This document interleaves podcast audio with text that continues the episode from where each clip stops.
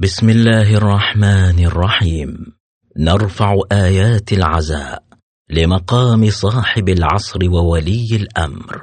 عجل الله فرجه الشريف في مصاب جده سيد الشهداء عليه السلام. تحت سلسلة فاطمة الزهراء عليها السلام المثل الأعلى للمسلم والمسلمة. نقدم لكم محاضرة سماحة العلامة الحجة السيد منير الخباز دام عطاؤه في الليلة الثانية عشر من شهر محرم الحرام لسنة 1443 للهجرة النبوية. وذلك في مسجد الحمزة بن عبد المطلب عليه السلام في سيهات. صلى الله وسلم عليك يا رسول الله. وعلى أهل بيتك المنتجبين يا ليتنا كنا معكم فنفوز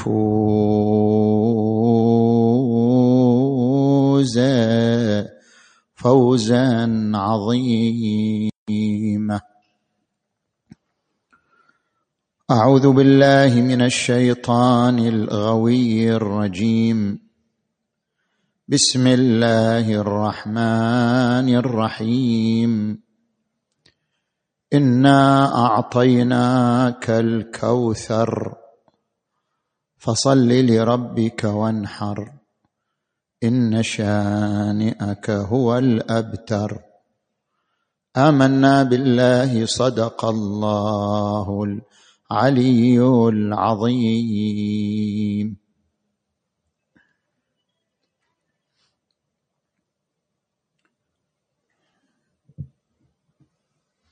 من الآيات التي امتن الله من خلالها على النبي الأعظم صلى الله عليه وآله سورة الكوثر.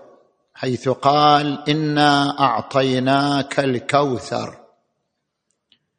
كما امتن عليه في سور أخرى فقال ألم نشرح لك صدرك ووضعنا عنك وزرك؟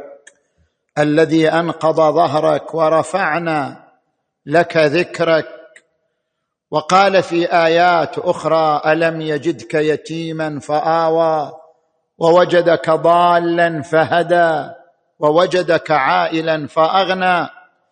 وقال في آية ثالثة ولسوف يعطيك ربك فترضى وهنا قال إنا أعطيناك الكوثر ورد في الكوثر تفاسير ثلاثة.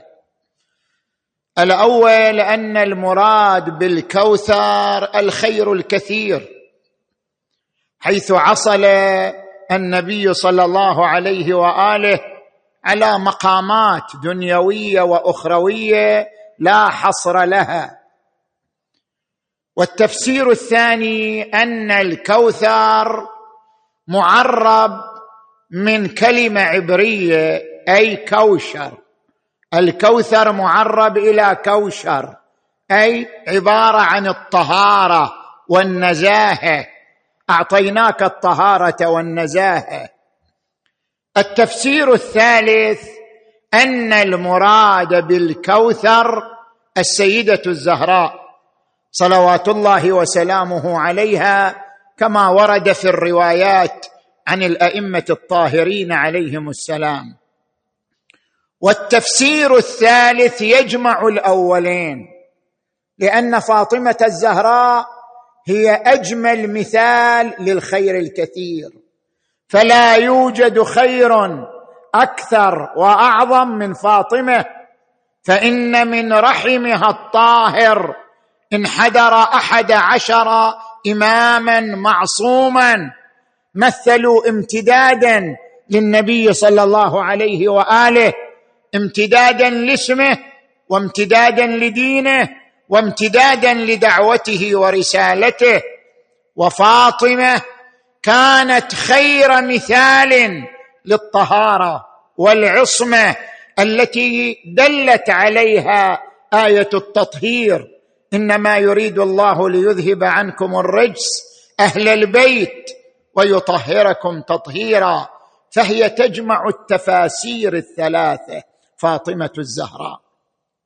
فاطمة تمثلت في نسلها الطاهر حسن وحسين عليهما السلام وزينب العقيلة الصديقة الصغرى التي مثلت أمها في صبرها وقوة إرادتها وجلدها وعلمها ومعرفتها. صلى الإله على البتول وآلها من تخضع الأملاك عند جلالها نبوية الأعراق طيبة الشذا عطر الجنان يفوح من أذيالها. ما كان يشبهها بفضل خصالها إلا وريثة فضلها وخصالها هي زينب. من أشعلت بخطابها قبسا يضيء على مدى أجيالها. صلوا على محمد.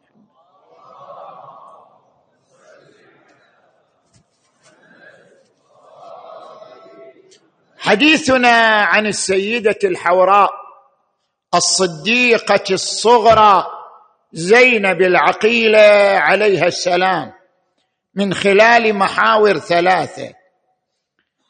في السيرة الذاتية للسيدة الحوراء وفي المواقف البطولية التي اجتمعت في شخصيتها الفريدة. وفي المضامين العالية المستقاة من خطبتها المباركة في الشام وفي الكوفة. نجي إلى المحور الأول. زينب عليها السلام ولدت إما في الخامس من جماد الأول السنة الخامسة للهجرة أو في مطلع شعبان السنة السادسة للهجرة كما هو الأشهر بين علمائنا. وتوفيت بعد الحسين بأشهر يعني ما أكملت سنة بعد الحسين عليه السلام. نتيجة للهموم والغموم التي ملأت قلبها لم تستمر بعد الحسين سنة كاملة. وبينها وبين الحسين فاصل سنتين فعمرها يوم وفاتها إما خمس وخمسون سنة أو ستة وخمسون سنة. السيدة زينب ولدت في بيت العصمة بيت النبوة بيت الإمامة. نعمت بعاملين مهمين. عامل الوراثة وعامل التربية. جاءت من صلب العصمة والإمامة من علي وفاطمة. جاءت من الأصلاب الطاهرة الشامخة والأرحام المطهرة. لم تنجسها الجاهلية بأنجاسها ولم تلبسها من مدلهمات ثيابها. وأيضا حظيت بعامل التربية. عاصرت أربعة من المعصومين. النبي والوصي وفاطمة بل عاصرت خمستهم.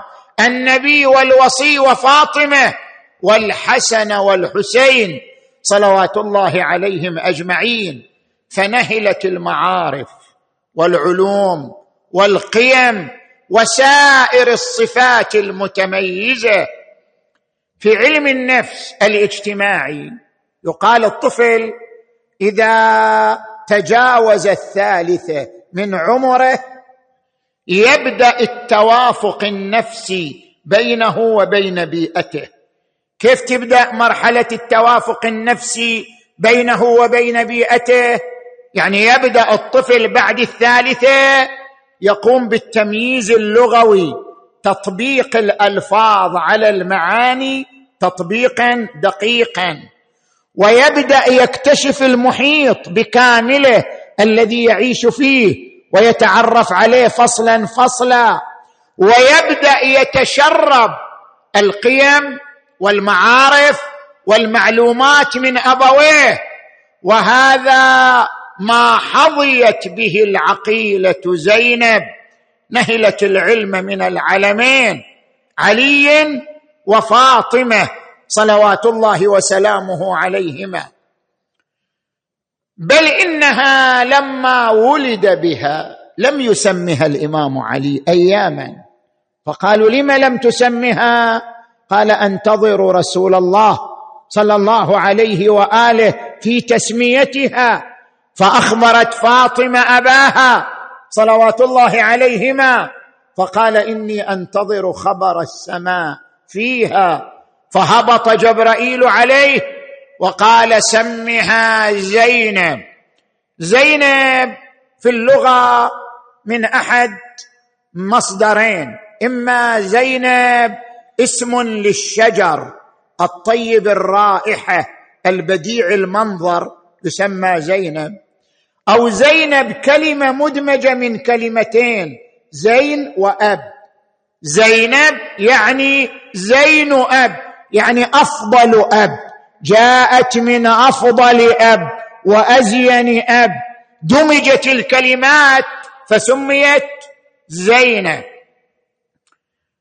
ولما سماها النبي بكى فقيل ما يبكيك يا رسول الله؟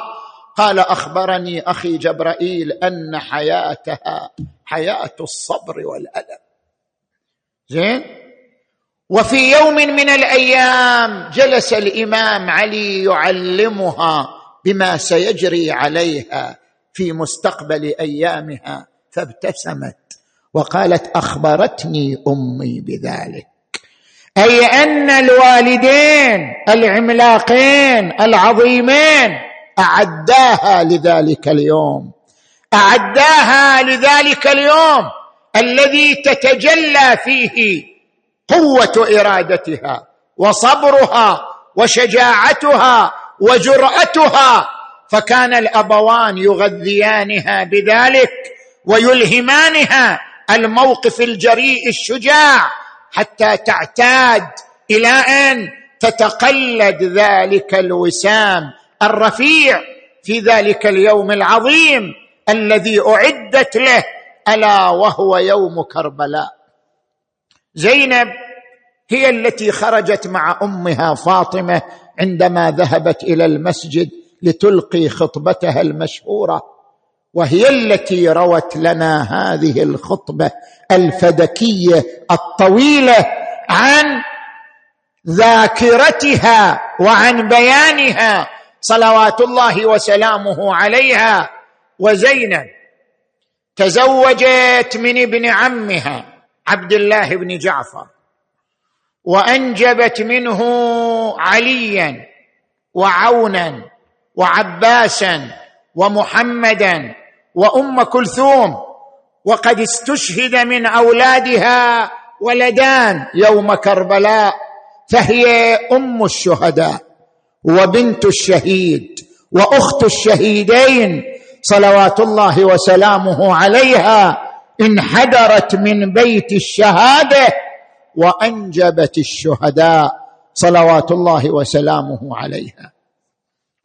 نجي الآن إلى المحور الثاني من حديثنا المواقف البطولية في شخصية السيدة زينب عليها السلام.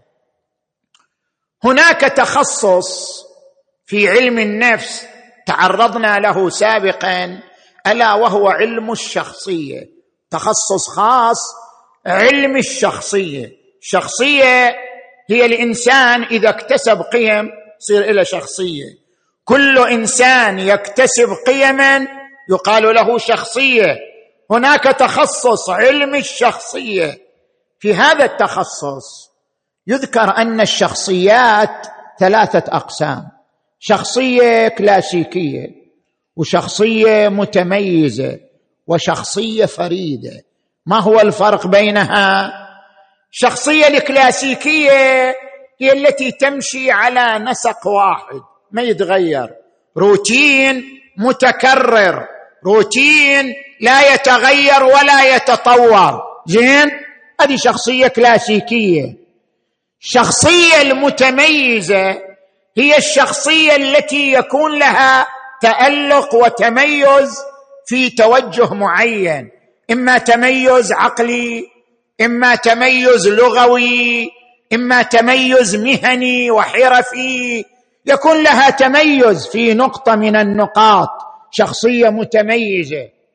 القسم الثالث وهو أرقى الأنواع الشخصية الفريدة. الشخصيه الفريدة يعني شنو؟ يعني من تجمع عدة شخصيات. إنسان واحد يجمع عدة شخصيات. إنسان واحد يجمع عدة مهارات عدة تألقات عدة تميزات. الشخصية الفريدة هي الشخصية التي تبدع وتتألق في عدة صفات خصوصا إذا كانت الصفات متضاده كيف يعني صفات متضاده يعني الآن مثلا طب وفن هل يجتمعان؟ إنسان يريد أن يكون طبيبا متالقا. هذا يحتاج إلى وقت يحتاج إلى تفرغ ذهني يحتاج إلى ذوق معين يستوعب أغلب وقته. وفي نفس الوقت يريد يصير فنان. إما فنان مسرحي إما فنان تشكيلي. الفن أيضا يحتاج إلى وقت وجهد وتفرغ وذوق معين. فلو أن إنسان جمع بين الشخصيتين هو فنان مبدع وهو طبيب متألق يعني جمع بين وصفين متضادين هذا يقال له شخصية فريدة. جمع بين شخصيتين في إنسان واحد. زين؟ لذلك أوضح مثال للشخصية الفريدة الإمام أمير المؤمنين. الإمام علي عليه السلام تلاحظوا جمع بين صفات متضادة. من جهة العبادة ومن جهة الشجاعة. طيب العبادة مو عبادة عادية عبادة منهكة عبادة متعبة. جمع بين أن يكون من العباد مو من العابدين من العباد. يعني الذي يستغرق في اليوم والليله ألف ركعة. هذا يحتاج إلى وقت يحتاج إلى جهد عقلي يحتاج إلى طاقة روحية تستوعب الوقت أن يتفرغ للعبادة ألف ركعة وفي نفس الوقت هو من العباد وهو في طليعة المقاتلين في المعركة. مع أن الشجاعة والفروسية في المعركة تحتاج إلى وقت تحتاج إلى إعداد جسمي تحتاج إلى طاقة روحية تحتاج إلى إرادة حازمة. جمع بين العبادة التي تستغرق الوقت في الإعداد والشجاعة التي تستغرق الوقت في الإعداد. جمع بينهما في آن واحد. جمع بين قوة الإدارة وبين نشر العلم. هو حاكم ورئيس يطبق العدالة ويقوم بإدارة شؤون الحكم وهو في نفس الوقت العالم الذي ينشر علمه وتربيته للأمة. الجمع لهذه الصفات يسمى شخصية فريدة. لذلك يقول الشاعر جمعت في صفاتك الأضداد فلهذا عزت لك الأنداد. مثل الإمام علي عليه السلام في شخصيته الفريدة العقيلة زينب. زينب جمعت شخصيات في إنسان واحد. جمعت مواقف متضادة في إنسان واحد. زينب العقيلة. لذلك زينب تمثل عليا في شخصيته. زينب مرآة لأمير المؤمنين في شخصيته. زينب عليها السلام جمعت عدة شخصيات نقف عندها. شخصية المعرفية والشخصية العرفانية والشخصية الحركية والشخصية الإعلامية. جمعت عدة شخصيات في هذه الشخصية العظيمة. الشخصيه المعرفية. زينب وعاء علم أمير المؤمنين. أربع وثلاثين سنة مع أبيها تنتهل من علمه ومعارفه وهو باب مدينة العلم. أنا مدينة العلم وعلي بابها زينب. يقول عنها الإمام زين العابدين في يوم كربلاء. أنت بحمد الله عالمة غير معلمة وفاهمة غير مفهمة. هذا إشارة إلى العلم اللدني. العلم اللدني هناك علم اكتسابي وهناك علم لدني يعني يلهم به الإنسان من الله تبارك وتعالى. وعلمناك من لدنا علما. العلم اللدني الموهوب من قبل الله يساوق العصمة. من لديه علم لدني فهو إنسان معصوم. يقول القرآن الكريم في حق الرسول محمد.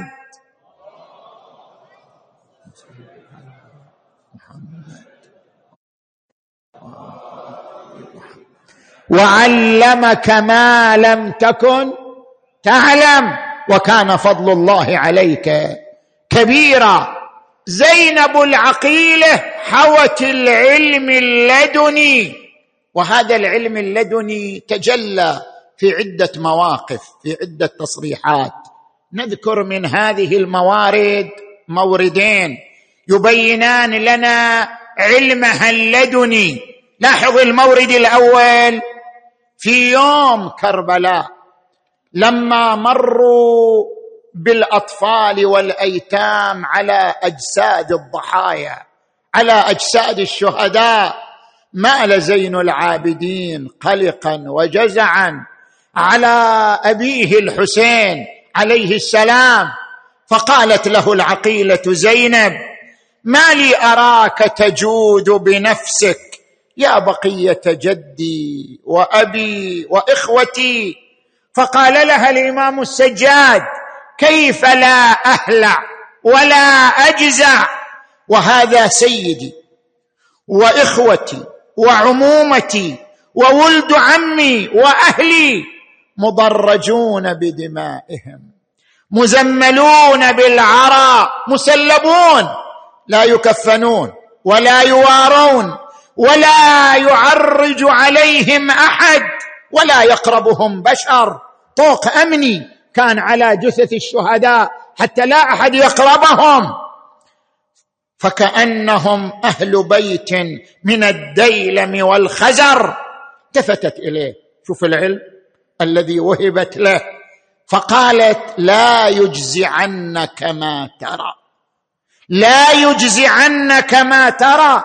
فوالله إن ذلك لعهد من رسول الله صلى الله عليه وآله. إلى جدك وأبيك وعمك.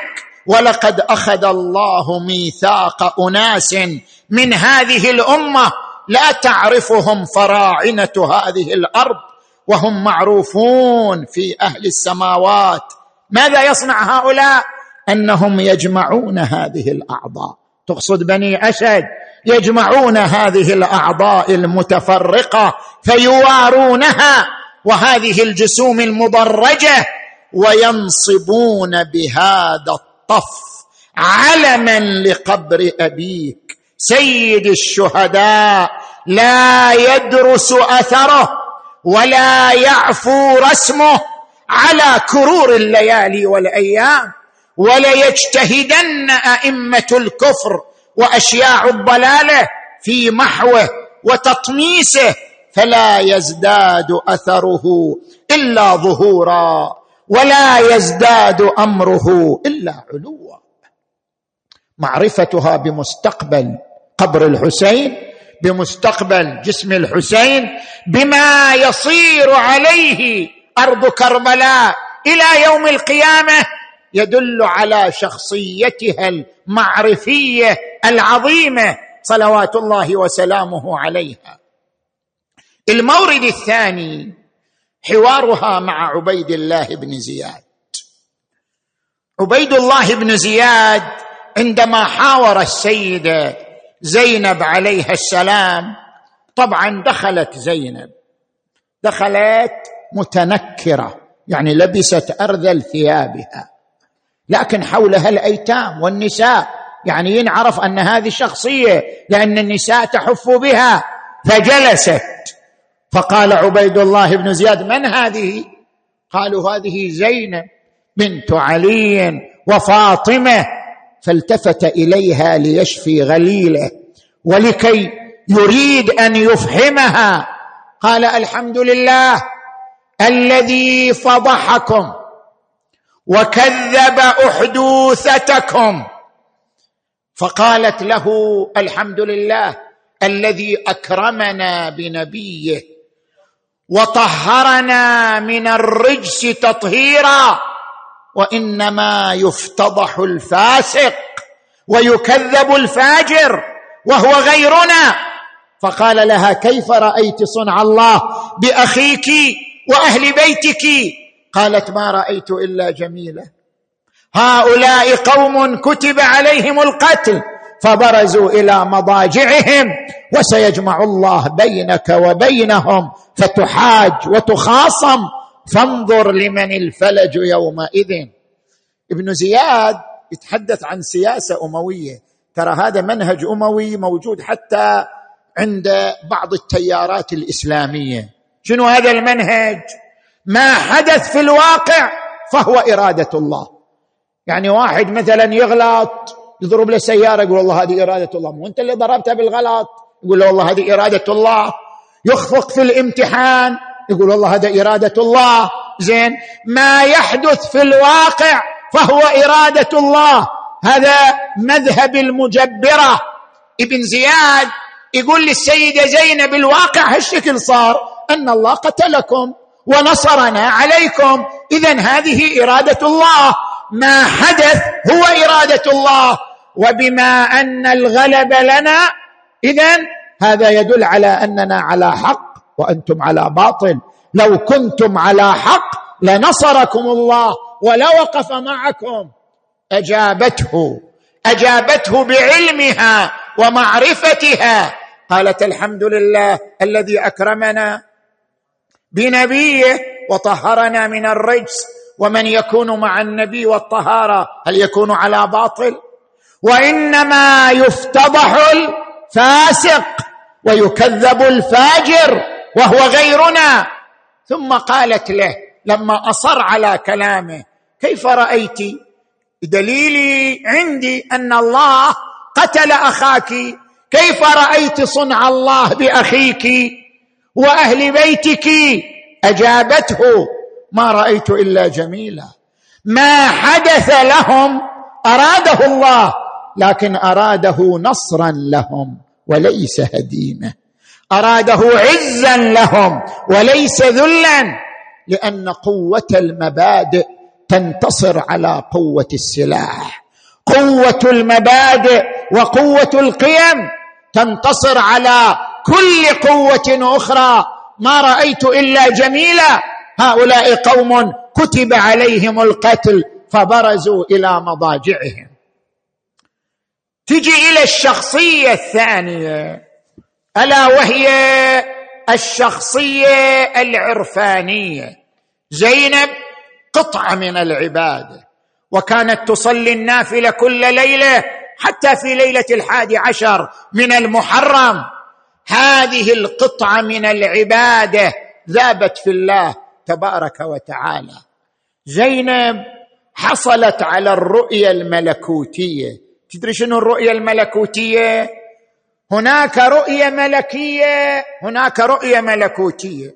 رؤية ملكية هو من يقرأ الكون قراءة رياضية أو قراءة فيزيائية. هذه رؤية ملكية رؤية مادية. أما الرؤية الملكوتية هو الذي يقرأ الكون مرآة لله ومظهرا لله. يستثمر علمه في الوصول إلى الله عز وجل. الرؤيه الملكوتية أعطيت للنبي إبراهيم. وكذلك نري إبراهيم ملكوت السماوات والأرض وليكون من الموقنين. من يمتلك الرؤيه الملكوتية يصل إلى درجة الاطمئنان واليقين ويكون مصداقا لقوله تعالى يا أيتها النفس المطمئنه ارجعي إلى ربك راضية مرضية. زينب حصلت على الرؤية الملكوتية فوصلت إلى درجة الاطمئنان واليقين ونتيجة لوصولها إلى هذه الدرجة انعكست على تصرفاتها وأفعالها. لاحظ المشهد الأول الذي يكشف عن وصولها لهذه الدرجة. يقول حميد بن مسلم لما قتل الحسين خرجت امرأة خثره مخدرة تجر أذيالها خفرا وصونا حتى وصلت إلى الجسد الشريف. فقيل من هذه؟ قيل إنها زينب. فجلست ومدت يديها تحت جسمه ورفعته إلى السماء قليلا وقالت اللهم تقبل منا. ما ولولت ولا اعولت هي فقدت ولدين من أولادها فقدت إخوتها فقدت أخ فقدت بني إخوتها فقدت كل أهلها إلا زين العابدين. لكنها ابدا بكل طمأنينة بكل قوة إرادة بكل صبر. قالت اللهم تقبل منا هذا القربان. لاحظ عندما ردت على ابن زياد. تونا قرينا قال كيف رأيت صنع الله بأخيك؟ قالت ما رأيت إلا جميله أنت تفكر هذه نقمة؟ لا هذه نعمة. ما رأيت إلا جميله لاحظ هنا علماء العرفان يقولون جمال الرؤية نابع من جمال الروح. إذا كانت الروح جميلة رأت كل شيء جميل.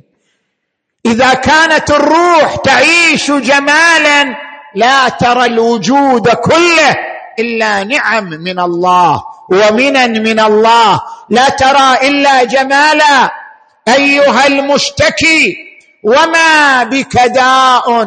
كن جميلا ترى الوجود جميلا. زينب تعيش جمال الروح جمال الاطمئنان. جمال القرب من الله جمال رؤية ملكوت السماوات والأرض لأن روحها تعيش الجمال لم تكن ترى إلا الجمال. كلما حل عليها رأته نعمة وليست نقمة. ولذلك كانت تقول الحمد لله الذي ختم لأولنا بالسعادة والمغفرة. وختم لآخرنا بالشهادة والرحمة. تفتخر وتعتز بما وقع لها. زين. الشخصية الثالثة الشخصية الحركية.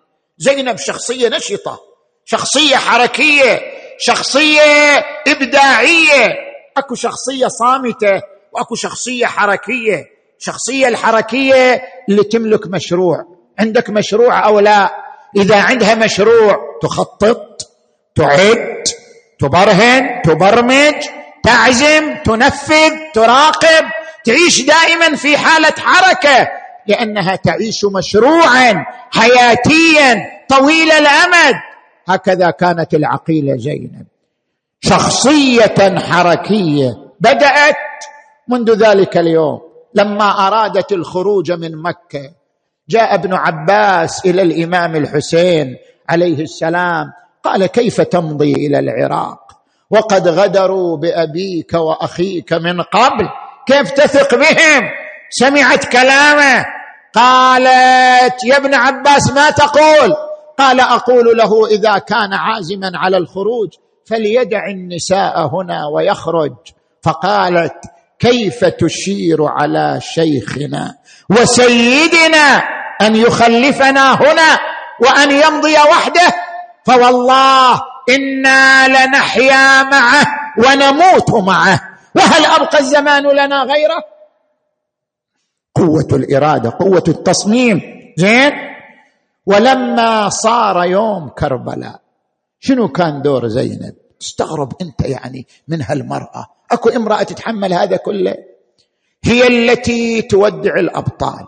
هي التي تستقبل الجنائز هي التي تضمد الجراح هي التي تهدئ الأطفال هي التي تهدئ النساء هي التي تدور على المخيم وتحرسه في كل وقت هي التي تعطي الحسين شحنات روحية قوية لتدفعه إلى أن يبقى على موقفه كما كانت الزهراء مع أبيها رسول الله. صلى الله عليه وآله.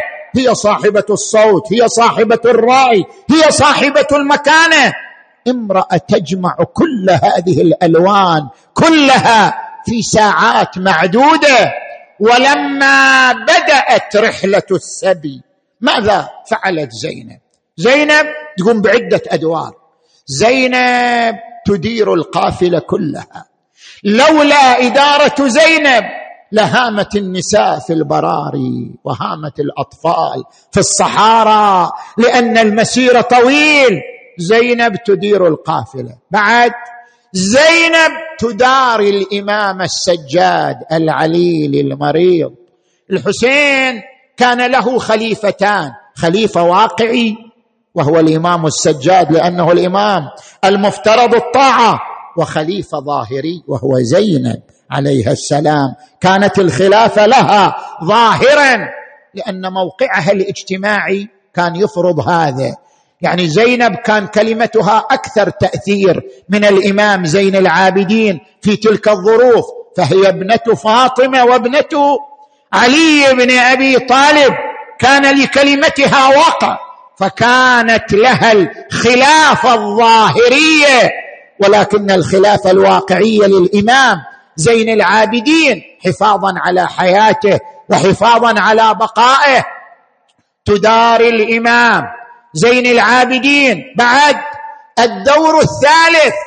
تنتصر لنسل رسول الله. لما دخلوا الكوفة أقبل الناس يرمون عليهم التمور والخبز والصدقات وبعضهم يبكي وبعضهم يهزأ. وانتصرت لآل بيت رسول الله.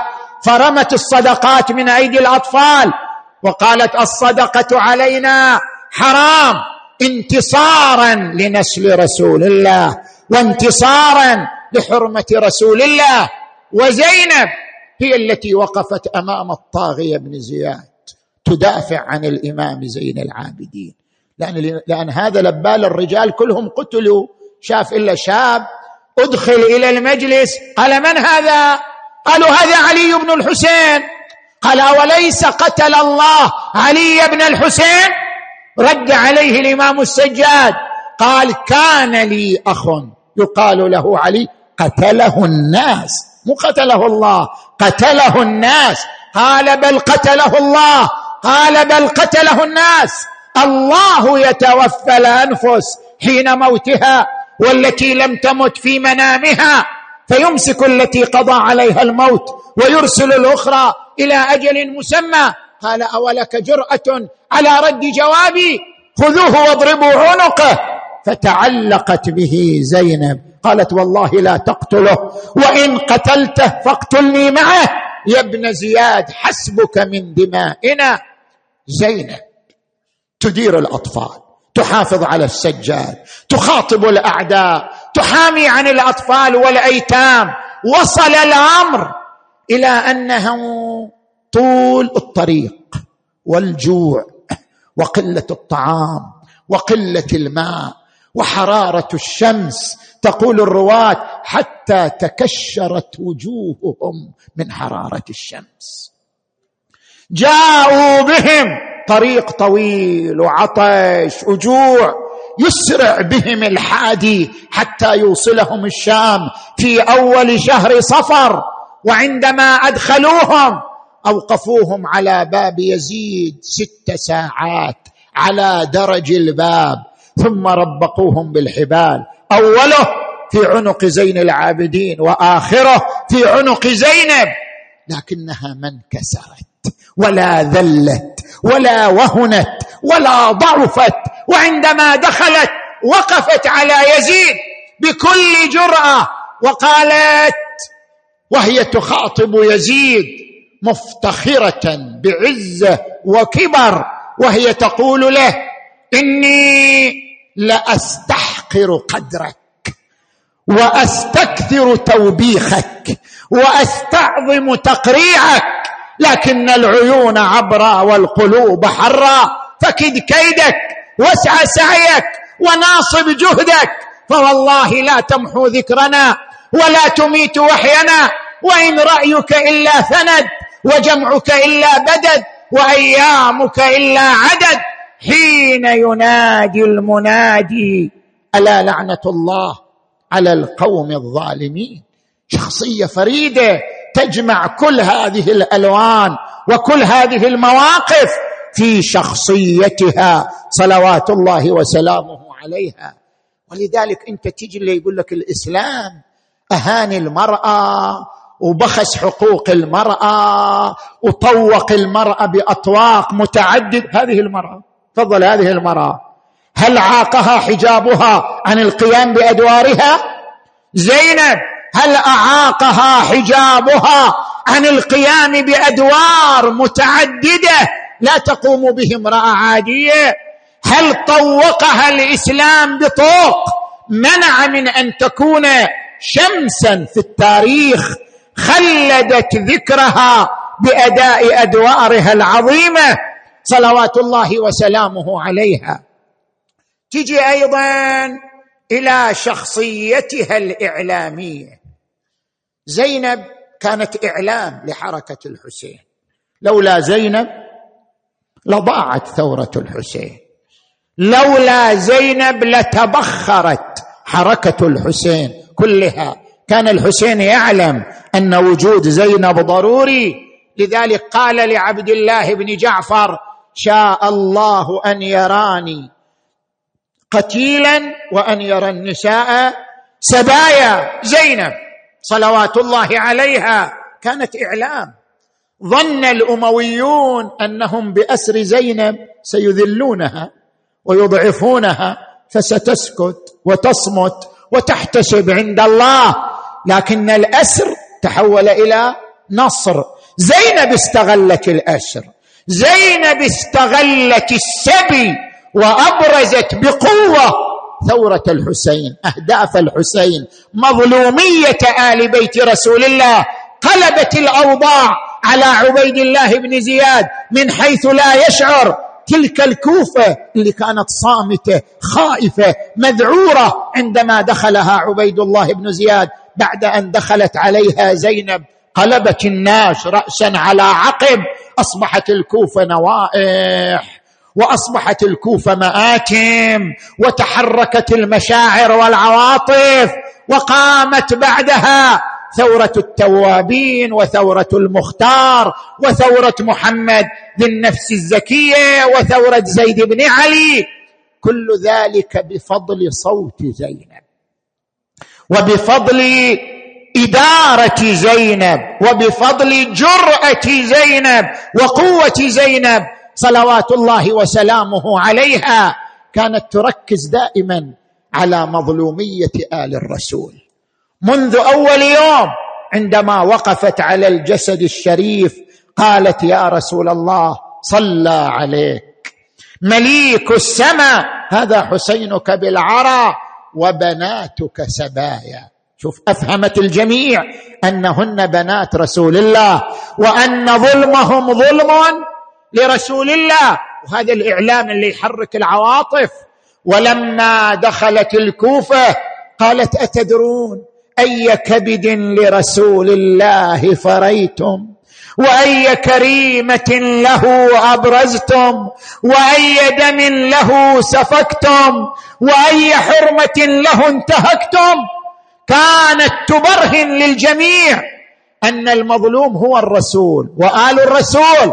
ولذلك قالت ليزيد بن معاوية عندما وقفت عليه أمن العدل يا ابن الطلقاء تخديرك حرائرك وإماءك وسوقك بنات رسول الله. سبايا قد أبديت وجوههن وهتكت ستورهن.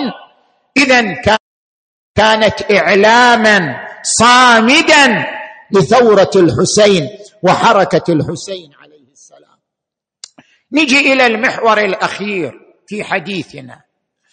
المضامين العالية في خطبة العقيلة زينب. زينب خطبت خطبتين خطبة في الكوفة وخطبة في الشام. خطبتها في الشام عندما وقفت على يزيد كانت أقوى جنانا وأكثر جرأة لأن المجلس كان مملوء بالمسلمين والمسيح. واليهود وغيرهم من الملل فأرادت فضح يزيد بن معاوية على جميع الملل وعلى جميع الطوائف فتحدثت بكل جرأة من دون أن تستأذن أحد ومن دون أن تأخذ نظرا من يزيد بن معاوية فقالت أظننت يا يزيد؟ تتحدث عن عزتها وكرامتها. تقول عزتي لا تضعف بهوانك وبأسرك. أظننت يا يزيد حيث أخذت علينا أقطار الأرض وآفاق السماء أن بنا على الله هوانا وبك على الله كرامة وأن ذلك لعظم خطرك عنده فشمخت بأنفك ونظرت في عطفك. جدلان مسرورا حيث رأيت الدنيا لك مستوسقة والأمور متسقة.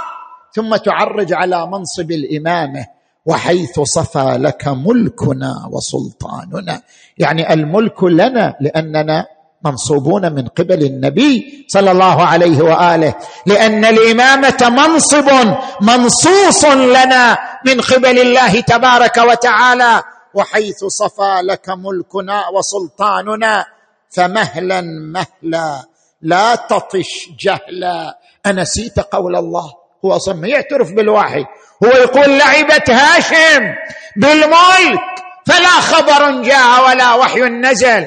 لكن أرادت أن تفضحه أن منطقه يصادم منطق السماء. ولا يحسبن الذين كفروا أنما نملي لهم خير لأنفسهم إنما نملي لهم ليزدادوا اثما ولهم عذاب مهين. إلى أن قالت أمن العدل يا ابن الطلقاء؟ تخديرك حرائرك وإماءك وسوقك بنات رسول الله سبايا تحدو بهن الأعداء من بلد إلى بلد. ويستشرفهن أهل المناهل والمناقل ويتصفح وجوههن القريب والبعيد والدنيء والشريف. ليس معهن من رجالهن ولي ولا من حماتهن حمي. ثم أرادت أن تبين خبث أصله. هي من أين جاءت؟ من محمد وعلي. وهو من أين جاء؟ جاء من هند التي لفظ فمها كبد الحمزة سيد الشهداء أرادت أن تدله على خبث أصله فقالت وكيف يرجى؟ مراقبة من لفظ فوه من لفظ فوه أكباد الأزكياء ونبت لحمه على دماء الشهداء. وعندما نتأمل في خطبتها في الكوفة وكانت هي الخطبة لها التي أسالت الدموع وحركت المشاعر وهيجت الخواطر وقفت على باب مجلس ابن زياد تخاطب الناس. رجالا ونساء يا أهل الكوفة يا أهل الختل والغدر أتبكون وتنتحبون؟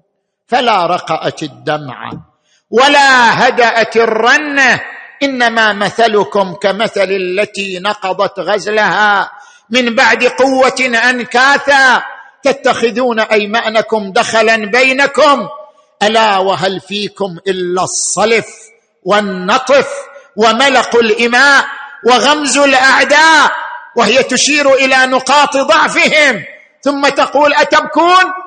فابكوا كثيرا واضحكوا قليلا فلقد ذهبتم بعارها وشنآنها ولن ترحضوها بغسل أبدا وأنا ترحضون قتل سليل خاتم الأنبياء وسيد شباب أهل الجنة وملاذ خيرتكم ومفزع نازلتكم ومنار حجتكم ومدره سنتكم أتدرون أي كبد لرسول الله فريتم وأي كريمة له أبرزتم وأي دم له سفكتم وأي حرمة له انتهكتم فلا يستخفنكم المهل فإنه لا تحفزه البدار ولا يخاف فوت الثار يعني تنبأت بالمستقبل أنه سيكون للحسين ثأر عظيم لذلك قالت لا يستخفنكم المهل فإنه لا تحفزه البدار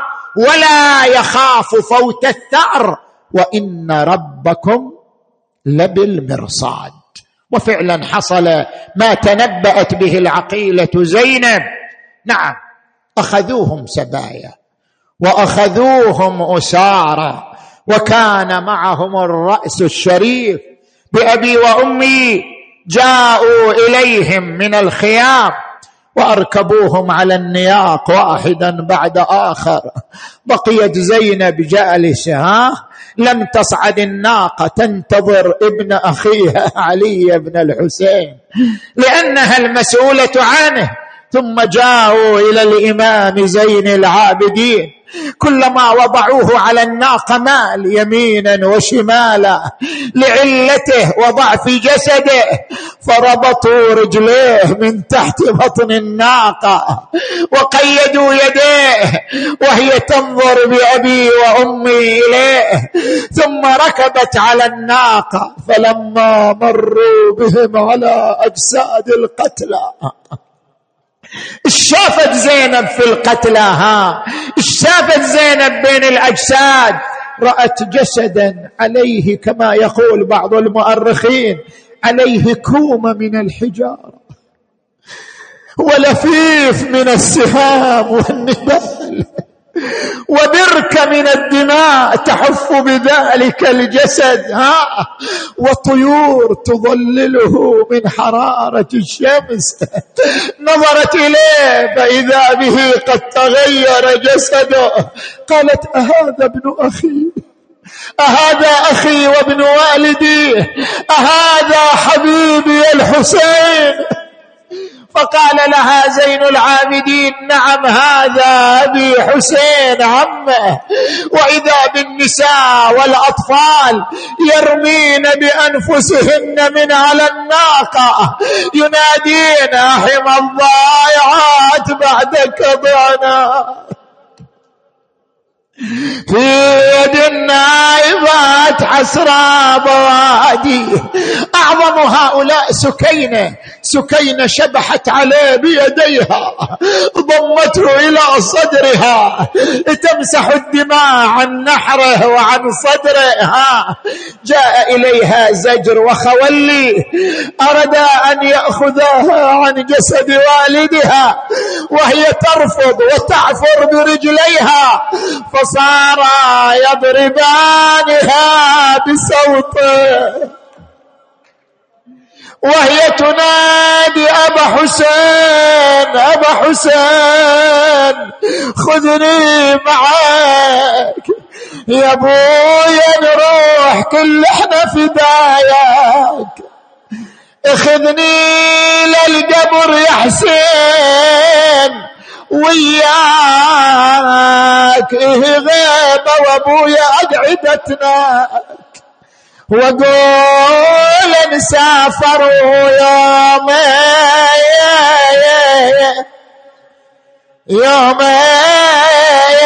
يومين يسدين. أصعدوها على الناقة مشت النياق. وهم ينظرون إلى الأجساد المصرعة. وصلوا بهم إلى الكوفة. اجتمع أهل الكوفة ينظرون إليهم يتفرجون عليهم. بعضهم يبكي بعضهم يهزأ بعضهم يشمت. لما رأت ذلك العقيلة زينب كأني بها تنادي أنا لا لي ولا عم ألوذ به ولا اخ لي بقي ارجوه ذو رحمي أين أخوك يا زينب؟ أخي ذبيح ورحلي قد أبيح. وبي ضاق الفسيح وأطفالي بغير حمي أنا بقيت محيرة واصفج باليدين باليدين أنا لا عباس يبرالي ولا حسين. يضربوني من أبكي وتدمع العين. إيه والله يضربوني من أبكي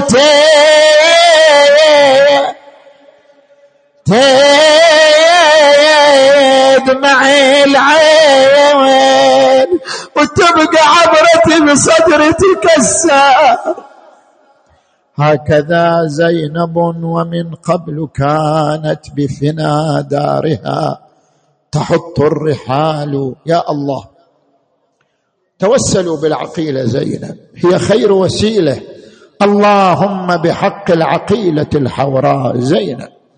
بحق جدها وأبيها وأمها وأخويها والتسعة المعصومين من ذرية أخيها الحسين. فرج عنا واكشف غمنا. اللهم اكشف هذه الغمه عن هذه الأمة. اللهم اشف مرضانا ومرضى المؤمنين والمؤمنات. واقض حوائجنا وحوائجهم. اللهم وفقنا والمؤسسين لما تحب وترضى. اللهم عجل فرج وليك وابن أوليائك واكتب له النصر والظفر واجعلنا من أنصاره وأعوانه. وارحم أمواتنا وأمواتكم وأموات المؤسسين والمؤمنين والمؤمنات وإلى أرواح الجميع. ثواب الفاتحة تسبقها الصلوات.